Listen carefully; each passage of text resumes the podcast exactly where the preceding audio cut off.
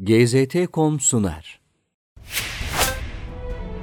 Fas Kralı 2. Hasan'a hitaben 1974 yılında yazılmış oldukça sert bir mektup, gözlerin bir anda bu mektubu yazan genç öğretmene çevrilmesine yol açmıştı.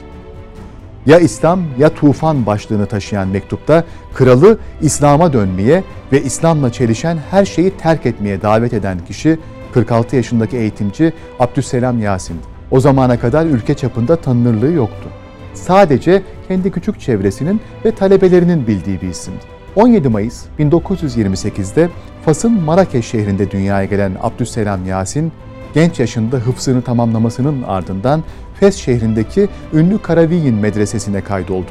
Küçüklüğünde aldığı sağlam eğitim sebebiyle Karaviyin'i bazı sınıflarını atlayarak bitiren Yasin, 19 yaşında yabancı dil öğrenmeye ve temel klasikleri tamamen okumaya başladı. 20'li yaşlarında öğretmenlik ve müfettişlik sınavını verdi. 3 yıl kadar Marrakeş'teki bir okulda Arapça eğitmenliği yaptı. Daha sonra müfettişliğe geçti. 40'lı yaşlarına yaklaştığında manevi anlamda kendini yetiştirme gayesiyle Fas'ın en büyük tasavvuf cemaati olan Butçişiye'ye intisap etti. Kadirilerin Mağrip kolunu teşkil eden Butçişiye'nin şeyhi Sidi Abbas Muhtar 6 yıl boyunca Abdüselam Yasin'i yanından hiç ayırmadı. Bu süreçte okumalarını sürdüren Yasin, Şeyh Abbas'ın vefatından sonra tarikatın yeni varisi Şeyh Hamza ile yaşadığı ihtilaf sonucu tasavvuf yolundan ayrıldı. Kendi ifadesiyle ilim ve cihadı birlikte yürütebileceği bir yönteme meyletti. Tam bu dönemde kaleme aldığı Dinle Devlet Arasında İslam ve İslam ve Gelecek adlı eserinde fikriyatındaki dönüşüm ve yakından gözlemlenebilir. Bu eserlerinin hemen ardından yazdığı ünlü mektubunda Yasin, Kral Hasan'ı kendisinden önceki salih yöneticilerin yoluna uymaya çağırıyor. Örnek almak isterse de bizzat Halife Ömer bin Abdülaziz'e bakabileceğini söylüyordu. Mektup herhangi bir şiddet ifadesi veya hakaret içermemesine rağmen Abdüselam Yasin kralın emriyle gözaltına alındı. Mahkemeye bile çıkarılmaksızın 3,5 yıl hapiste tutuldu.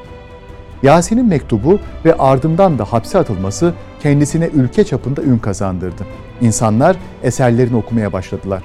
Hapiste geçirdiği dönem Abdüsselam Yasin'de bir dönüşüm süreci daha başlatmıştı. Artık Fas toplumuna dair yaptığı değerlendirmelerde cahiliye ifadesini kullanmıyor, önerdiği sosyal dönüşüm planını devrim değil diriliş olarak ifade ediyordu.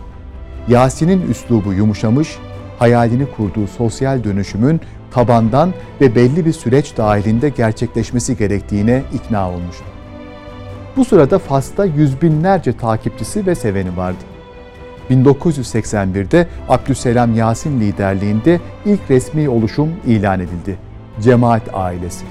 Herhangi bir siyasi hedefi bulunmayan cemaat tamamen Kur'an ve sünnet perspektifiyle hareket edecek, alenilik ve barışçılık prensiplerini ön planda tutacak sohbet ve ders halkaları yoluyla toplumda güzel ahlakın ve İslami şuurun yayılmasına çalışacaktı. Cemaat ailesi 1983'te Hayır Cemaatine, 1987'de ise Adalet ve İhsan Cemaatine dönüştü. Kendisinin herhangi bir siyasi yapılanma usulü olmasa da Abdüselam Yasin'in ülke içinde güçlü bir muhalefet odağına dönüşmesi Fas yönetimini bir takım tedbirler almaya itti.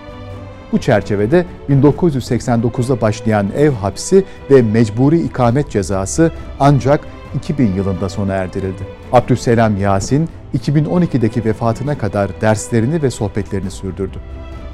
Adalet ve İhsan cemaati hala Fas'ta varlığını sürdüren en büyük dini gruplardan biri. Resmen siyasete katılmasalar da hareket içinde yetişen çok sayıda insan siyasi arenada boy gösteriyor bugün iktidar ortağı durumundaki Adalet ve Kalkınma Partisi, cemaatin dini fikirlerinin siyasi alana aktarılmış formu olarak da düşünülebilir. Ancak her iki hareket arasında organik bir bağ bulunmuyor.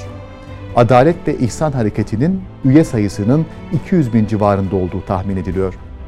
Fas'taki devlet yapısı gereği herhangi bir dini grubun müstakil anlamda İslami bir alternatif olarak ortaya çıkması ve halk kesimleri tarafından desteklenmesi mümkün değil. Adalet ve İhsan Hareketi de bir ahlak ve manevi temizlik yapılanması olarak toplumun küçük bir kesimi tarafından takip ediliyor. İslam coğrafyasını daha yakından tanımamıza yardımcı olacak bu serüveni bizimle birlikte takip etmek için kanalımıza dahil olmayı ve video dosyalarımıza beğeni ve yorumlarınızla katkı sağlamayı unutmayın.